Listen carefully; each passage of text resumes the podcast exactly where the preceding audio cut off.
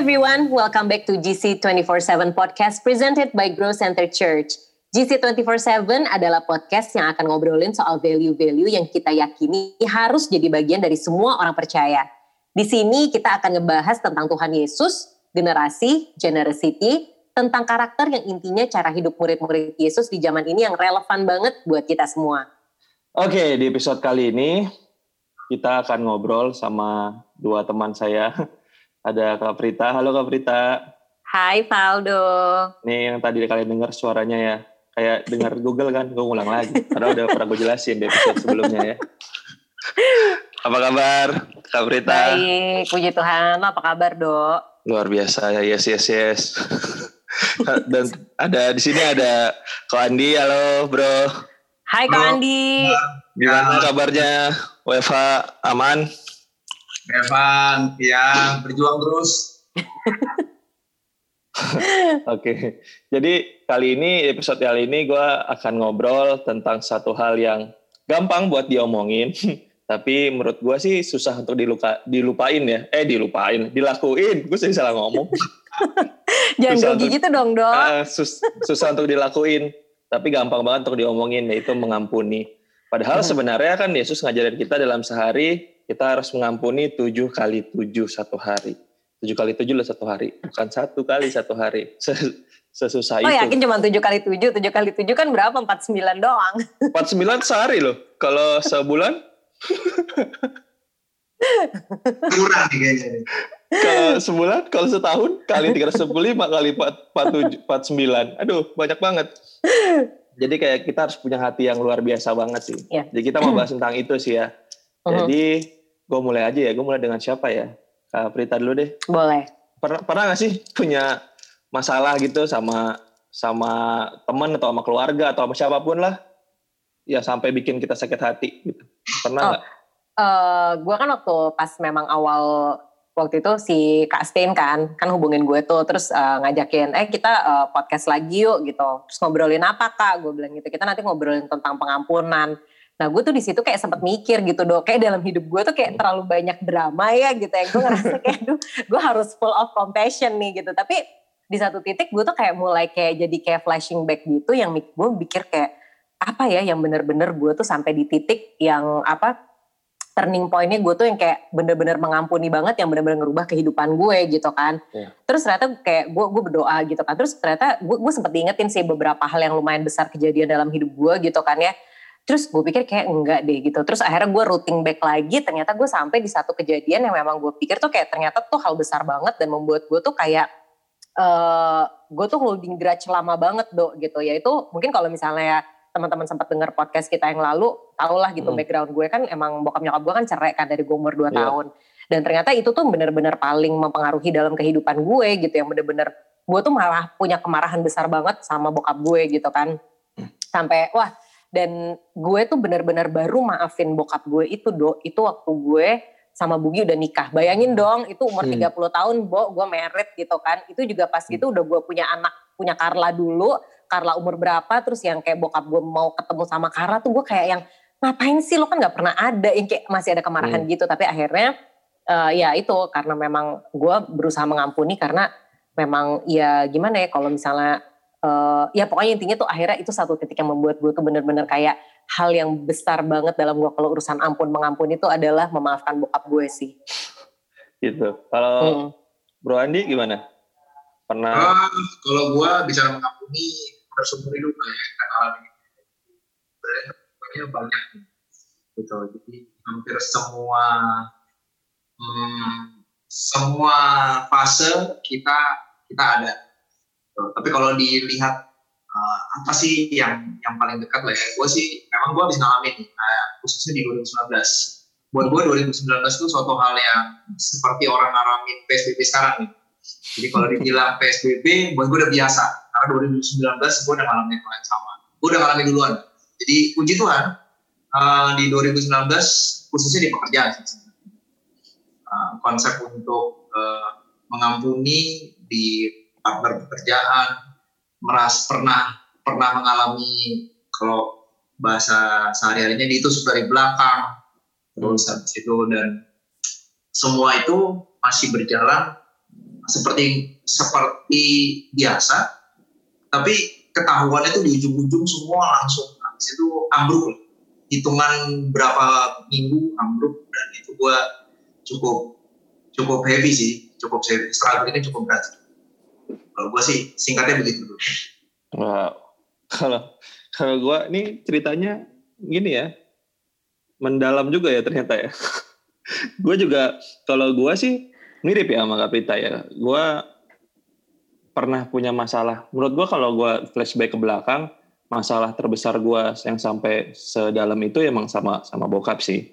Jadi di di titik itu tuh gue sampai kayak udah udah semuanya udah sakit hati, udah kalau yang di film-film yang anaknya benci sama bapaknya yang segitunya ya mungkin gue udah sampai titik itu ya. Nah, gue udah gak peduli lah lu gak pernah ada.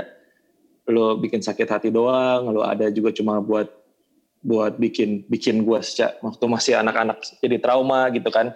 Itu yang bikin yang bikin gue ngerasa sakit hati banget sih. Dan di di di fase itu tuh gue ngerasa gue di posisi orang yang bener gitu ya. Ah kan lu lu lu yang bikin gue sakit hati lu yang bikin bikin keluarga ini jadi nggak bener lu yang bikin gue hilang figur ayah gitu. Jadi buat gue bukan gue yang salah lu yang salah. Menurut gue sih itu respon setelah sekarang ya setelah sekarang gue belajar dan makin kenal Tuhan gitu gue ngerasa kayak respon gue sebenarnya salah sih. Gue di situ tuh kayak apa mencari pembenaran gitu. Gue di di rumah merasa istilahnya gue merasa tertolak gitu di rumah dan bikin gue sakit hati bikin masa kecil gue jadi kehilangan figur ayah terus gue cari keluar di luar gue di luar itu gue menuntut penerimaan di tengah society di mana pun gue ada gitu di lingkungan teman-teman di di mana pun lah gue berusaha diterima gitu. Dan ketika ada hal-hal yang membuat gue tidak diterima. Karena kan sekarang sekarang gue mengerti kalau kita nggak bisa nyenengin semua orang gitu kan. Dan nggak semua orang cocok sama kita gitu. Ketika Benar. ada ada orang yang nggak cocok itu gue just menjadi overthinking jadi merasa tertolak lagi kesel lagi. Baliknya apa? Gue nyalain nyalain orang tua gue lagi. Uh-huh. karena kalian kayak gini gue jadi nyalain gue nggak diterima di luar. Dan itu membuat gue apa ya struggle gue ini lama cukup lama sih dari gue kecil karena gue ngerasa gue bener, gue ngerasa orang tua gue salah, gue cari keluar di luar gue nggak ditolak juga, akhirnya gue nyalain lagi ke orang tua gue. Hmm. Jadi gue nggak nggak waktu waktu saat itu gue respon gue kayak gitu gitu dan nggak ada ujungnya. Gue cuma nyalain orang aja, nyalain nyalain orang, nyalain keadaan, even gue nyalain Tuhan waktu itu sampai gue nyalain Tuhan, Tuhan kenapa sih gue nggak nggak bikin bikin yang nggak bikin aneh-aneh nggak ngelakuin salah apa-apa kenapa gue sampai segininya gitu perasa perasaan gue ya soal perasaan gitu gitu sih kalau gue kalau Kaprita waktu itu gimana responnya ketika lagi dalam lagi dalam masalah pencobaan. itu gitu. Tapi masa pencobaan. Bener, bener sih dok, gue sama persis sih sama kayak lo karena memang uh, apa namanya gue tuh bahkan tuh sampai waktu gue uh, karena gue saking apa ya gue tuh kayak bener-bener holding grudge itu kan lama banget ya gitu kan. Hmm. Jadi gue tuh inget banget waktu waktu gue SMP gitu, uh, bahkan gue SD sekalipun gitu kan. Gue tuh sampai gue anak SD tapi gue tuh nge-create nge-create apa kayak sebuah kebohongan gitu yang gue bilang pokoknya bokap gue ada kok gitu. Jadi gue kayak nge, nge apa ya bikin bikin bikin uh, ini aja gitu. Apa namanya? Um, uh, hayalan gitu bokap gue tuh uh, pengacara bokap gue tuh ada di rumah gitu kan terus yang pokoknya karena gue tuh pengen banget tuh kayak teman-teman gue gitu kan yang keluarganya lengkap nah karena gue tuh kayak gitu akhirnya dari kecil gue tuh kayak terbiasa uh, apa ya kayak mengada-ada yang gak ada gitu kan. Akhirnya tuh sampai kayak gue mulai SMP gue jadi kayak brutal gitu kan yang apa namanya uh, buat gue tuh acceptance tuh jadinya tuh kayak suatu hal yang luxurious banget gitu loh. Gue tuh mau banget gitu di mana-mana diterima. Dan ketika gue nggak diterima ya balik lagi gitu loh apa gue tuh kayak marah gitu loh sama keluarga hmm. gue gitu dan gue berusaha berontak sama persis sih kayak Ludo gitu kan dan memang terus terang aja sih ternyata tuh setelah gue ngeliat flashing back lagi gitu ya gue ngeliat kayak 30 tahun kehidupan gue mungkin sebelum gue bener-bener akhirnya bisa maafin bokap gue gitu kan gue memang jadi orang yang sangat-sangat pemarah sekali gue jadi hmm. orang yang sangat-sangat bener-bener yang uh, apa ya emosian banget gitu kan dan kayak apa ya mungkin kayak manipulatif gitu loh. Jadi kayak ngarah ke mana-mana gitu yeah. loh. Bener-bener membuat gue tuh jadi seorang yang kayak kok gue kayak kayak begitu banget ya gitu loh. Padahal sebenarnya rootnya rootsnya satu gitu loh. Karena ya tadi gitu loh masalah penerimaan. Nah tadi kan lu sempat bilang ya dok kalau misalnya kayak masalah nerima itu kan ya apa ya maksudnya hmm, kita butuh diterima sama orang gitu kan. Tapi padahal hmm. maksudnya kita nyalahin orang lain gitu. Tapi kan itu kan sebenarnya memang kita tuh kayak bagian dari itu kan sebenarnya efek aja gak sih kalau menurut gue ya gitu kan itu yeah. efek aja yang menurut gue tuh kayak seharusnya kita bisa nerima gitu loh nerima bahwa memang keadaannya seperti itu gitu kan kita nggak bisa milih dan ya kita sebenarnya harus bisa banget sih ngampunin gitu loh karena jadi hmm. gue sempat ada uh, apa namanya, gue sempat belajar kan. Jadi ada sempat satu riset gitu yang bilang, uh, jadi itu kayak lu punya level energi gitulah gitu. Karena memaafkan itu, itu uh, apa bagian dari penerimaan itu, itu ada kayak di nomor dua tertinggi gitu loh dok. Apa di level energi gitu. Jadi menurut gue tuh kayak wow gitu loh. Berarti memang itu tuh level energi itu memang tinggi banget. Jadi memang gue nggak bilang itu pasti mudah dilakuin ya untuk mengampuni gitu kan karena itu memang yeah. di level energi aja tuh uh, uh, paling nilainya itu kedua nomor paling tinggi berarti kalau misalnya lo di titik bisa mengampuni you should have yeah. a new life gitu yeah. loh menurut gue dan yes. ketika kita terima Tuhan kan harusnya kita punya kehidupan yang baru gak sih gitu kalau menurut ko Andi juga gimana tuh menurut uh, Valdo gimana? Gimana bro Andi dulu dulu waktu pas lagi ngadepin masalah itu gimana responnya? Hmm. Jadi kalau dari gua um, mungkin latar belakang background keluarga gua tidak have a big problems gitu ya. Tapi yang gue alamin kemarin itu justru sesuatu impact yang nyungsep yang dalam waktu cepat. Kalau di keluarga yang kalian rasain kan mungkin ada steppingnya. Jadi bertahun-tahun ngerasain suatu hal yang uh, apa ya kayak uh, menahan emosi lah atau mencari pelarian dan lain-lain. Nah, gue ngalamin tahun lalu itu dalam dalam hitungan bulan itu semua ambruk. The problem is gara-gara itu gue menjadi orang yang juga mengecewakan orang lain. Nah, gue ngebawa keluarga gue yang akhirnya gue pikul semua, akhirnya mereka kecewa semua sama. Anyway, banyak hutang, banyak, wah banyak deh kasusnya banyak masalah teman-teman. Jadi uh, dan gue harus mengambil keputusan yang cepat. Kalau enggak, ya gue gue sudah berkeluarga itu semua kita perlu makan gitu. Jadi kita perlu kita perlu surviving mode itu harus switch secepat itu. So kalau kita bicara respon itu benar-benar benar nih. Kalau misalnya nggak usah bicara tuan-tuanan ya itu susah banget. Jadi sometimes kita ngomong ah gue anak Tuhan gue punya kasih gue punya ini. Tapi pasti sisi nggak terimanya itu nggak bisa gampang mudah itu iya Setuju. Iya, jadi menurut gue memang gue setuju ya gitu. Maksudnya kita uh, apa bukannya berarti kita nggak bilang nggak nggak boleh berserah sama Tuhan karena intinya kalau memang lo mau bener-bener mengampuni ya cuma Tuhan gitu. Apalagi kalau misalnya memang uh, kepahitan lu udah dalam banget gitu kan. Kita harus dia minta bantuan Tuhan. Cuma maksud gue di sini memang itu tuh gue bener-bener setuju banget yang kalau Andi bilang itu tuh berat banget sih beneran. Itu berat banget. Nggak usah munafik lah gitu kan. Bener-bener itu tuh nggak masalah ampun mengampuni itu case-nya tuh case yang berat apalagi itu udah mempengaruhi emosi kita, mempengaruhi keluarga kita, mempengaruhi hmm. perasaan, mempengaruhi kehidupan oh, yeah. gitu. It's not easy, huh? Dan here's the thing, gue tadi gue kepikiran lagi karena tadi lo ngomong Kapit, gue hmm. tuh waktu pas pas lagi masa itu ya, waktu hmm. gue masih belum ngampunin bokap gue, itu kayak kayak ya gue punya mantan gitu kan, mereka tuh hampir semuanya tuh punya pendapat yang sama tentang gue kayak kamu tuh punya dua kepribadian kayaknya ya karena gue hmm. gue ketika ketika sama orang-orang dekat sama gue gue bisa jadi sangat pemarah gitu gue keluar hmm. emosi gue segala macam tapi ketika gue ada di lingkungan gue di pertemanan gue di mana pun itu gue hmm. jadi orang yang berusaha untuk bisa menyenangkan banyak orang gitu hmm.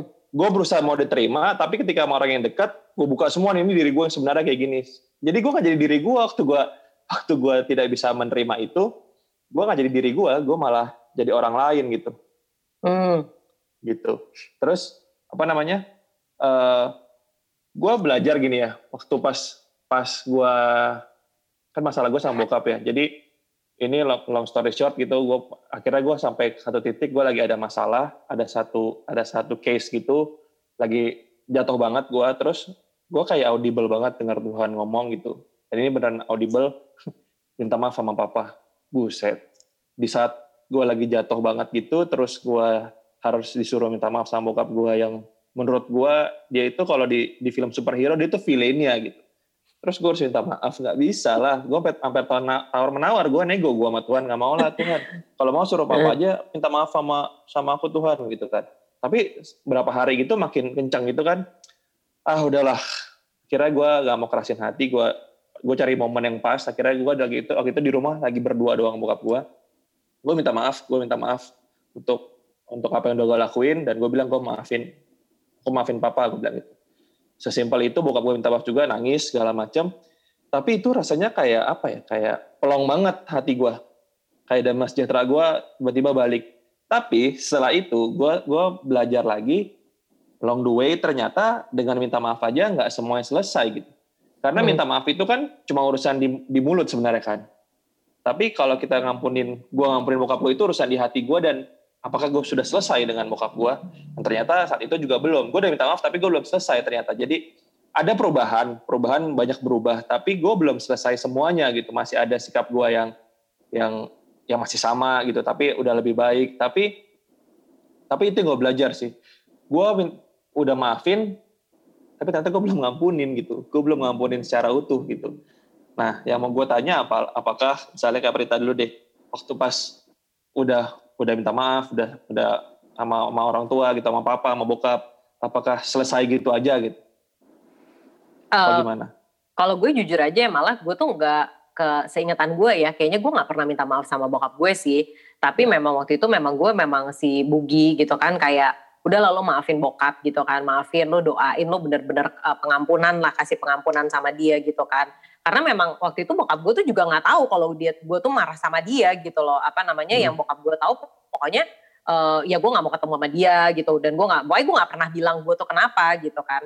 Sampai akhirnya yang gue lakukan adalah uh, gue bener-bener berdoa gitu kan. Gue minta ampun sama Tuhan. Gue bilang gue mau melepaskan pengampunan.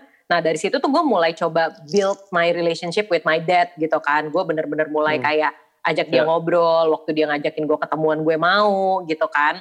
Nah di situ tuh ternyata gue bener-bener malah uh, bokap gue tuh waktu ketemu gue pertama kali dalam keadaan kita tuh uh, apa namanya uh, rekonsiliasi dia malah minta maaf sama gue gitu kan dia bilang yeah. dia iya. minta maaf dia begini begini begini begini dia ngejelasin sampai dia tuh nangis sampai dia tuh uh, apa namanya uh, bilang uh, ya kalau misalnya papa bisa milih sih papa juga nggak mau kayak begini gitu karena di situ tuh gue kayak yang oh oke okay, gitu kan apa namanya uh, ya udah gitu dan di situ akhirnya gue bener-bener merasa oke okay, berarti gue udah udah udah selesai nih sama bokap gue dan sekarang pun gue nggak pernah memikirkan tentang oh ini salah bokap gue apa segala macam. Nah di situ juga sih dok yang gue bilang akhirnya uh, hubungan gue dengan nyokap gue itu jadi lebih baik gitu kan. Hubungan gue dengan Bugi pun jadi lebih baik gitu loh. Karena gue udah nggak bawa bagasi gue itu gitu.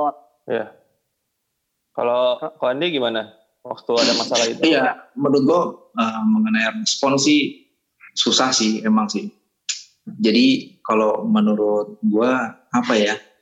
Kayaknya lebih baik gue akhirnya memilih begini gue akan orang yang nyakitin gue gue akan tanda petik nih gue akan balas dendam yeah. tapi balas dendam yang gue lakukan adalah gue mau buktiin ke dia kok kalau gue lebih baik dari dia mm. yeah. kedua kalau gue adalah orang yang bisa lebih lebih menunjukkan uh, lu lu salah gitu lu lakuin itu tuh terhadap gue tapi uh, menurut gue gue bisa memiliki respon yang lebih bagus dan itu itu lebih jadi energi yang tadi tuh kita kan orang yang pernah begitu kita kan butuh butuh pelampiasan energi ya. Hmm. ya akhirnya gue lakukan everyday begitu. Sedikit gue gak ngerti ya secara secara kita sebagai anak Tuhan apakah itu dibenarkan atau enggak. Tapi yang kalau gue lo tanya pengalaman gue gue lakukan itu. Jadi gue lakukan benar-benar memotivasi diri sendiri untuk lebih baik gue mundur tapi untuk menang maksudnya hmm. mundur tuh back step dulu gitu ya. Just for clear my, our mind dulu.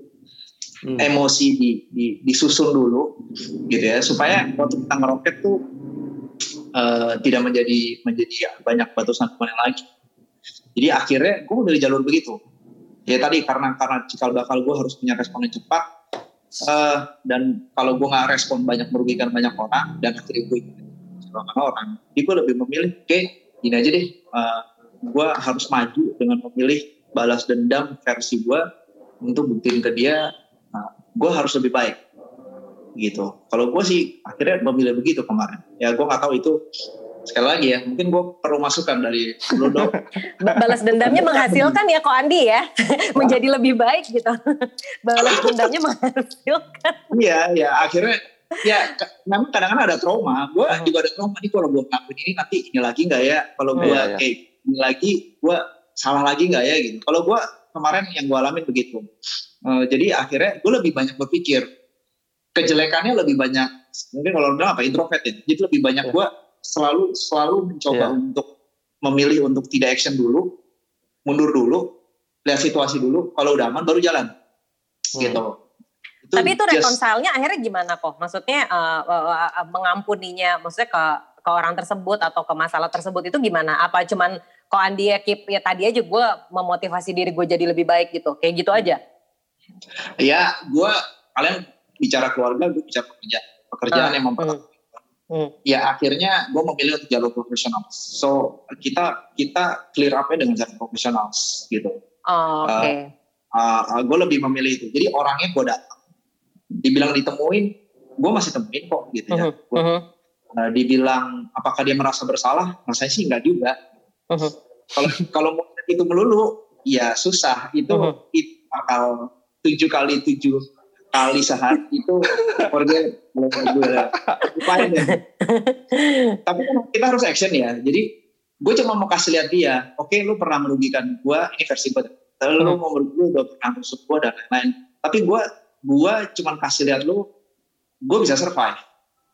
Ya. gitu ya. Gue nggak ngerti apakah my partner itu nyambung atau enggak gitu ya. Apa dia nggak peduli juga gitu ya. Tapi ya at least gue punya punya kebanggaan buat diri sendiri. Nah reconcile-nya akhirnya gue bilang oke gue gue nggak akan pakai jalur apa pun. Kita duduk secara profesional kita sudahi juga secara profesional. Hmm, Jadi gue lebih memilih begitu akhirnya hmm.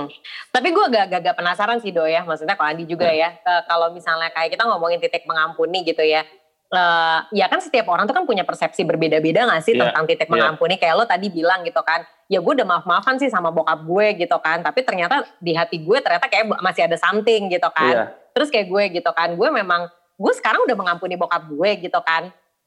Nah, cuman eh, gue kalau misalnya kayak Bugi gitu bilang kayak, eh lu say hi dong sama bokap lo atau kayak eh, apa Hmm. nyokap bilang, eh bokap lo ulang tahun tuh lo nggak ngucapin.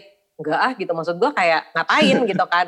Kayak Hmm. gitu terus udah gitu kayak kok Andi tadi kan bilang gitu apa namanya iya nih apa namanya eh, apa ya udah gue duduk secara profesional ya gue nggak tahu dia ngerasa apa enggak gue nggak mau mikirin juga nah gue tuh kayak kadang-kadang penasaran gitu kita tuh di titik pengampunan tuh sebenarnya kayak gitu tuh udah melepaskan bukan sih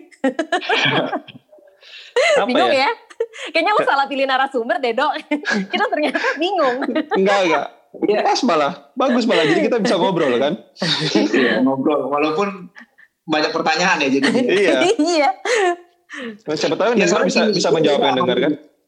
Kalau gue beda sama lu, ketemu bokap lu bisa peluk-pelukan. Kalau gue ketemu partner gue, ngapain gue peluk-pelukan nangis-nangisan gitu. Iya. Plus gitu malah. Bener,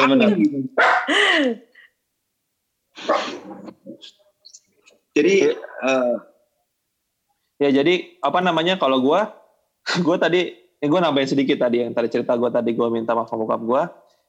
Eh, apa ya? Waktu pas gue minta maaf sama bokap gue itu ada tambahannya. Ternyata mujizat mujizat terjadi gitu. Nggak semua Hmm. nggak semua hal, hal- hal yang selesai gitu ada mujizat enggak. Cuma dalam kasus gue mujizat terjadi masalah gue selesai waktu itu.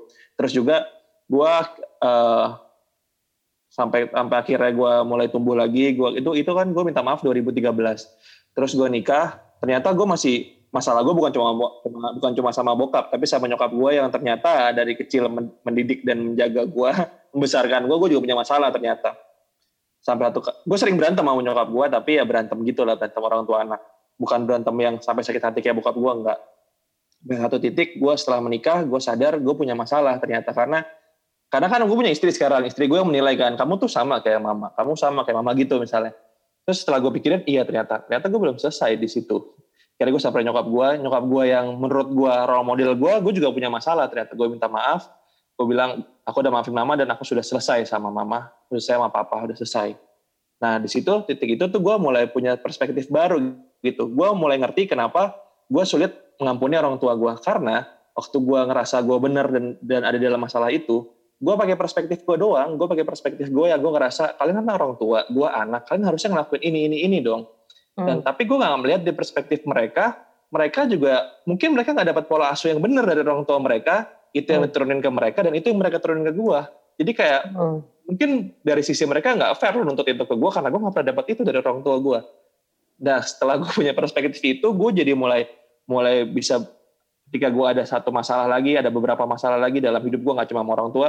Waktu gue dalam suatu masalah, gue mulai pakai mulai coba lihat dari sudut pandang mereka. Sekalipun gue ngerasa bener gitu, ada hal-hal yang gue ngerasa hmm. bener, gue lihat dari sudut pandang mereka. Mungkin ada hal-hal yang mempengaruhi, tapi apa ya? empati gue, hati gue udah lebih besar untuk ngampunin orang gitu setelah gue belajar ini gitu. Gue nggak nggak bukan gue jadi malaikat yang udah lu bikin salah nggak apa-apa gue gue ampunin enggak nggak gitu juga. Cuma gue hati gue udah lebih besar untuk bisa melihat lu ngelakuin itu mungkin karena memang memang lu nya kayak gitu gitu lu dididik seperti itu lu dapat pola asuh seperti itu lingkungan lu mempengaruhi sehingga lu berbuat seperti itu gitu jadi gue punya rasa simpati dan empati lebih besar sekarang ke situ sih. Jadi menurut gua kenapa sulit banget tuh ngampunin karena ya kita pikirin cuma dari sisi kita aja gitu. Gua nggak ngomongin Tuhan ya, tapi gua ngomongin hmm. secara manusia gitu ya. Kalau dari kalian gimana? Kenapa susah banget kita untuk ngampunin orang? Yang udah bikin kita sakit hati pastinya ya. Gue rasa sih itu masalah kayak uh, memang kalau misalnya kita ngomongin pengampunan ya kayak emang uh, emang orang harus ada di level titik tertentu sih kayak lo tadi gitu kan lo akhirnya kan bisa nerima lo bisa punya perspektif gitu kan ya yeah. nah itu berarti lo udah di, emang udah di level yang di mana lo tuh udah mulai bisa bisa bisa nerima gitu loh dan belum tentu orang lain tuh bisa maksudnya ada masih yeah. ada di level itu jadi lo nggak bisa nyamain semua orang gitu kan kalau gue bilang sih yeah. memang ya anyhow kita memang harus ada reach di level itu dan ya kalau misalnya tadi lo bilang uh, nggak nggak maksudnya uh, gue nggak ngomongin Tuhan ya cuman kalau buat gue pribadi ya untuk kita bisa ada di reach level yang tadi itu gitu kan yang kita akhirnya punya hikmat baru kita bisa punya pengertian yeah, itu yeah. memang ya emang cuma Tuhan doang sih gitu yang memampukan yeah. kita ya gitu kalau nggak nggak nggak mungkin sih karena gue inget banget jadi gue tuh benar-benar baru hidup baru itu kan pas gue uh, apa namanya baru benar-benar kayak terima Tuhan yang benar-benar kayak gue berbalik dari hidup gue yang lama tuh gue baru tahun 2017 masih baby banget lah masih baru banget gitu kan. Itu juga berarti hitungannya gue baru maafin bokap gue gitu loh. Tapi uh, bayangin gue ngerasa tuh bener-bener perubahan dan percepatannya tuh bener-bener drastis banget ketika gue tuh bener-bener mulai mencoba uh, ter, uh, maksudnya ya gue maksudnya uh, apa uh, cari Tuhan gitu kan cari Tuhan terus terus akhirnya gue di titik di mana Tuhan tuh kasih gue pengertian untuk mulai uh, apa kalau gue mau terima new life ini memang gue harus uh, apa memaafkan dulu gitu loh uh, mengampuni yang udah da dalam hidup gue terus akhirnya gue di titik oke okay, gue bisa uh, mengampuni bokap gue dan akhirnya tuh banyak banget hal yang memang Tuhan bukakan gitu loh. Ya kayak gue bilang tadi makanya kayak setelah gue mengampuni kayak hidup gue tuh kayak baru banget gitu baru banget. Gue banyak banget ngeliat perspektif perspektif baru. Dan ketika benar kayak si uh, Valdo bilang tadi ketika gue ketemu sama masalah-masalah baru gitu gue kayak jadi pribadi yang beda gitu ngehadapin yeah. itu gitu loh gue udah di hmm. level gue yang kayak oke okay, gue sekarang paham ya gitu maksudnya ternyata gue bisa ngelihat kayak oh, mungkin dia ngelihatnya tuh memang uh, mencoba mengerti uh, kenapa sih nih orang kok bisa kayak begini gitu kan. Jadi nggak nggak melulu ngelihat kok lu nyakitin gue ya lu kayak gini. Tapi yeah, mencoba yeah. mengerti oh ternyata lu punya alasan ya lu kenapa begini. Ya kayak tadi lu bisa menemukan kayak ternyata pola asuh bokap nyokap lu tuh tidak sempurna. Makanya mereka nurunin ke lo kayak gitu. Dan itu akhirnya kita bisa lihat ke orang lain kan. Dan mungkin kok Andi gue rasa juga begitu gitu loh. Akhirnya bisa udah di level yang ngerasa iya sih uh, apa namanya uh, dia dia mencoba mengerti aja gitu udah di level itu. Nggak tahu sih kalau itu menurut gue ya. Kalau menurut Andi gimana? Ya kalau menurut gue segala kejadian yang pahit itu di belakang selalu ada sesuatu hal yang positif. Yes. ya. jadi itu merubah pasti akan selalu merubah perspektif kita. Dan menurut gue ya sekarang gue bicara sebagai anak Tuhan buat gue waktu kita ngalami sesuatu yang gak enak gitu ya sebenarnya ya itu kesempatan kita untuk membuktikan gue ini anak Tuhan atau bukan. Hmm. Ya. Waktu kita berada di sesuatu hal yang gelap, di situ fungsi terang kita kelihatan. Tapi gue nggak bicara terang itu kita berkhotbah buat lima ribu orang ya gitu. Tapi buat diri kita sendiri aja dulu. Oh, buat, iya, buat iya. kita tuh me, me, menjaga terang itu tetap nyala itu menurut gue itu nggak nggak nggak gampang.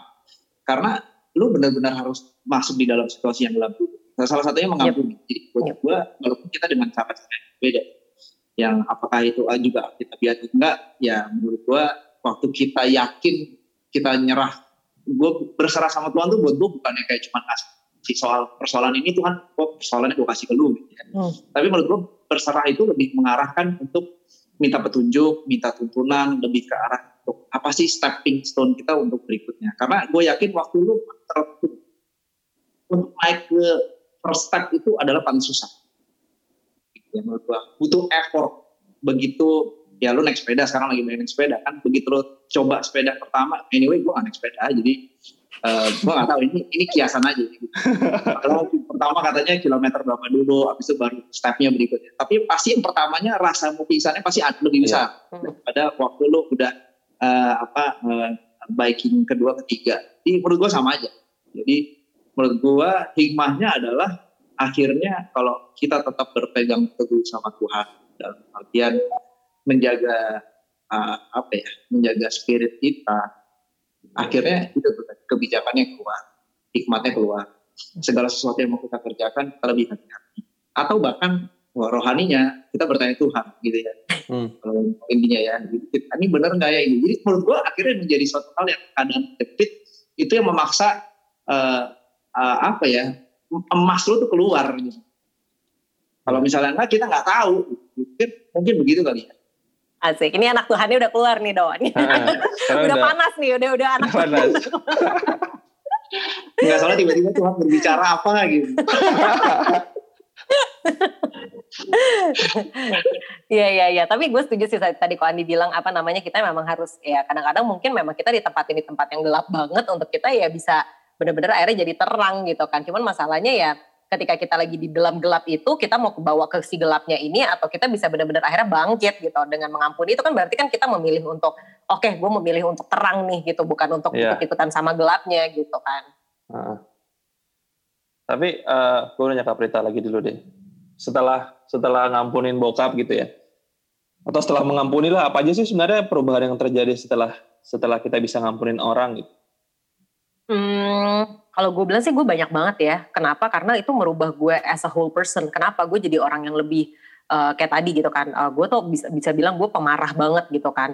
Gue tuh kayak cepat emosi, very negatif gitu kan, very manipul manipulatif. Manipulatif dalam artian gue tuh kayak harus ngerasa tuh gue harus dapetin mau gue. Kalau gue nggak dapetin mau gue tuh kayak gue kan melakukan berbagai cara gitu kan memanipulasi keadaan orang gitu kan untuk biar gue dapetin apa yang gue mau gitu. Tapi ketika gue mulai mengampuni, gue terima kayak kehidupan baru gue itu gue akhirnya di titik yang gue bisa benar-benar berubah as a person gitu. Benar-benar gue jadi nggak lebih pemarah gue lebih lebih lebih sabar gitu kan.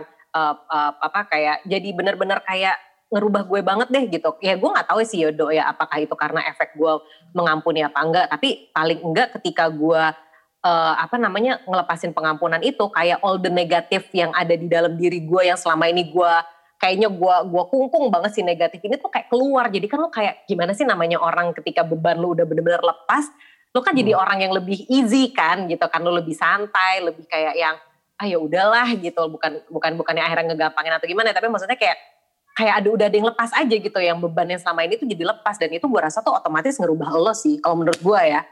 Kalau Andi gimana? Setelah melewati masalah kemarin ya sambil kita ngomong gue juga sambil bingung apa ya Tuhan gue ya? Mungkin yang paling pertama gue jadi waktu kita melepas bentuk pengampunan apa pun itulah ya. Uh, jadi lebih mudah tidur. Maksudnya tidur lebih gampang gitu. Yeah, nah, soalnya memang pikiran itu kunci. Uh, eh, yeah. gue mungkin kalau dari sisi gue perubahannya gue bisa jadi lebih lebih me, mengotak-ngotakan pola pikir, maksudnya terhadap respon apa pun itu. Uh, jadi gue bisa memposisikan diri gue uh, kapan gue harus bertindak, kapan gue harus tanda petik emosi, kapan gue harus tegas, kapan gue harus mundur.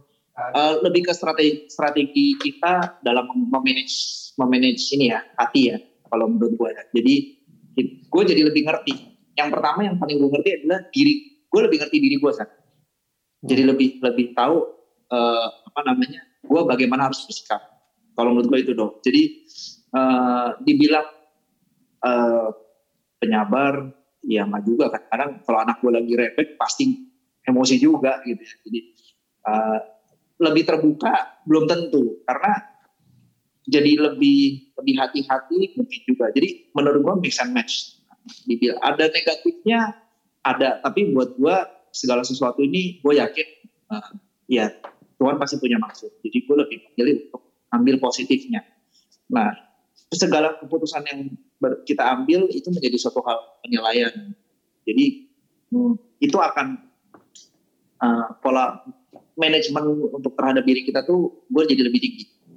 Kalau dulu mungkin kita nggak peduli, mungkin kalau gue karena kerjaan, mungkin waktu itu karena kerjaannya jalan, semua bagus, semua itu, gue udah lebih egoisnya lebih keluar, egoisnya lebih keluar, mungkin sombongnya keluar, ini keluar, begitu semuanya terbuka, begitu hancur-hancuran, ya impactnya uh, apa namanya, gue nggak benar-benar jatuh dan semua itu gue gak nyangka gitu. Dengan dengan kejadian-kejadian kayak begitu akhirnya ya itu. Gue bisa lebih kenal diri gue sih. Lebih tahu gue harus bagaimana hmm. bersikap bagaimana untuk kita menahan emosi dari emosi salah satunya terus uh, menyerah atau tidak tadi uh, yang di Berita apakah kita menyepelekan atau enggak gitu gitu. Karena gue gue sekarang lebih mulai oke okay, gue tahu uh, ini gue gue dapat satu gue lebih bisa berkaca sekarang. Hmm. Gue lebih bisa berkaca dalam pengertian gini kalau gue lakuin ini orang orang itu apa sih yang dia rasain gue lebih lebih lebih empatik hmm. gue terhadap orang lain yeah. gue bisa mulai karena gue ngeras pernah ngalamin hal yang hal itu gitu. Jadi kalau gue dorong ke uh, maunya gue begini kira-kira orang ini sama pernah ngerasain apa yang gue rasain atau enggak? Jadi gue bisa berpikir dua kali. Mungkin itu itu sih hal perubahan yang gue alamin. Kalau kalau gue apa ya? Gue tuh yang paling berubah pasti pertama tadi perspektif ya. Tapi gue melihat gini kalau gue nggak kita kan punya Tuhan kasih tujuan nama hidup kita masing-masing. Sama lewat cerita hidup kita selama kita hidup gitu kan. Dan selama proses ini belum selesai buat gue gimana caranya gue jadi berkat buat orang itu gue belum selesai dengan orang tua gue tapi gue mau jadi berkat di tempat lain. Gimana caranya? Gue mulai berpikir gitu waktu itu. Jadi gue memang harus selesai dulu dengan yang ini. Ketika gini selesai Tuhan kasih yang baru nih.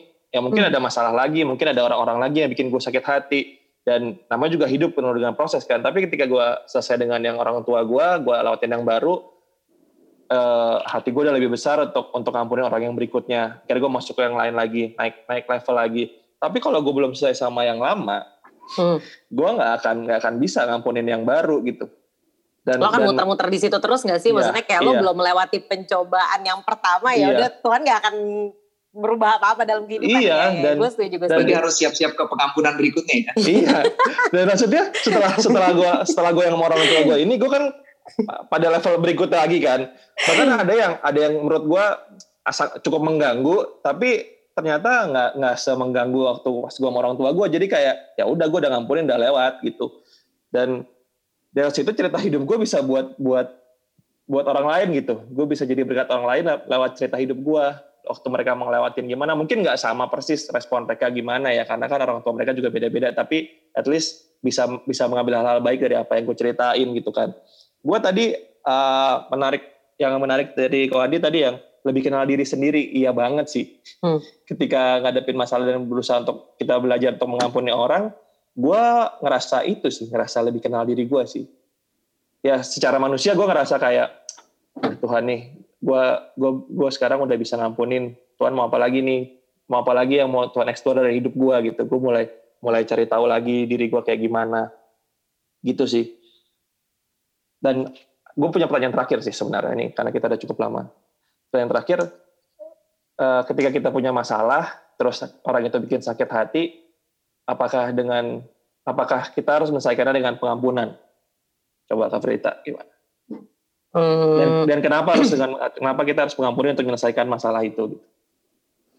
Uh, kalau masalah pengampunan sih gue bilang ya kayak tadi ya karena gue ngelihatnya uh, apa namanya um, kayak gue sih selalu mikir gini sih kan ada ayatnya yang Tuhan bilang kan maksudnya kalau misalnya lo mau mempersembahkan sesuatu sama Tuhan lo maksudnya kalau misalnya lo teringat akan sesuatu akan saudara lo gitu kan yeah. ya lo harus minta maaf dulu sama dia maksudnya berbaikan dulu sama dia gitu kan ya balik lagi gue mikir sih kadang-kadang kalau dipikir-pikir uh, ya dengan ayat itu aja tuh kadang-kadang kalau misalnya lo memang punya sesuatu gitu kan di dalam hati lo gitu yang nggak nggak bener-bener pure gitu terus lo kayak uh, memuji menyembah Tuhan atau lo uh, apa namanya uh, melakukan sesuatu untuk Tuhan gitu kan kayaknya emang nggak nggak bener-bener uh, apa ya kayak straight to God gitu gak sih gitu ya kalau misalnya yeah. kita ngeliat dari Alkitab eh, apa dari ayat itu ya. Jadi menurut gue memang ya ketika yang tadi lo bilang ya kalau betapa pentingnya pengampunan sih buat gue begitu gitu loh. Karena memang ya kayak gue kalau tadi gue sempat cerita ya gitu maksudnya itu aja di pengampunan aja itu ada di level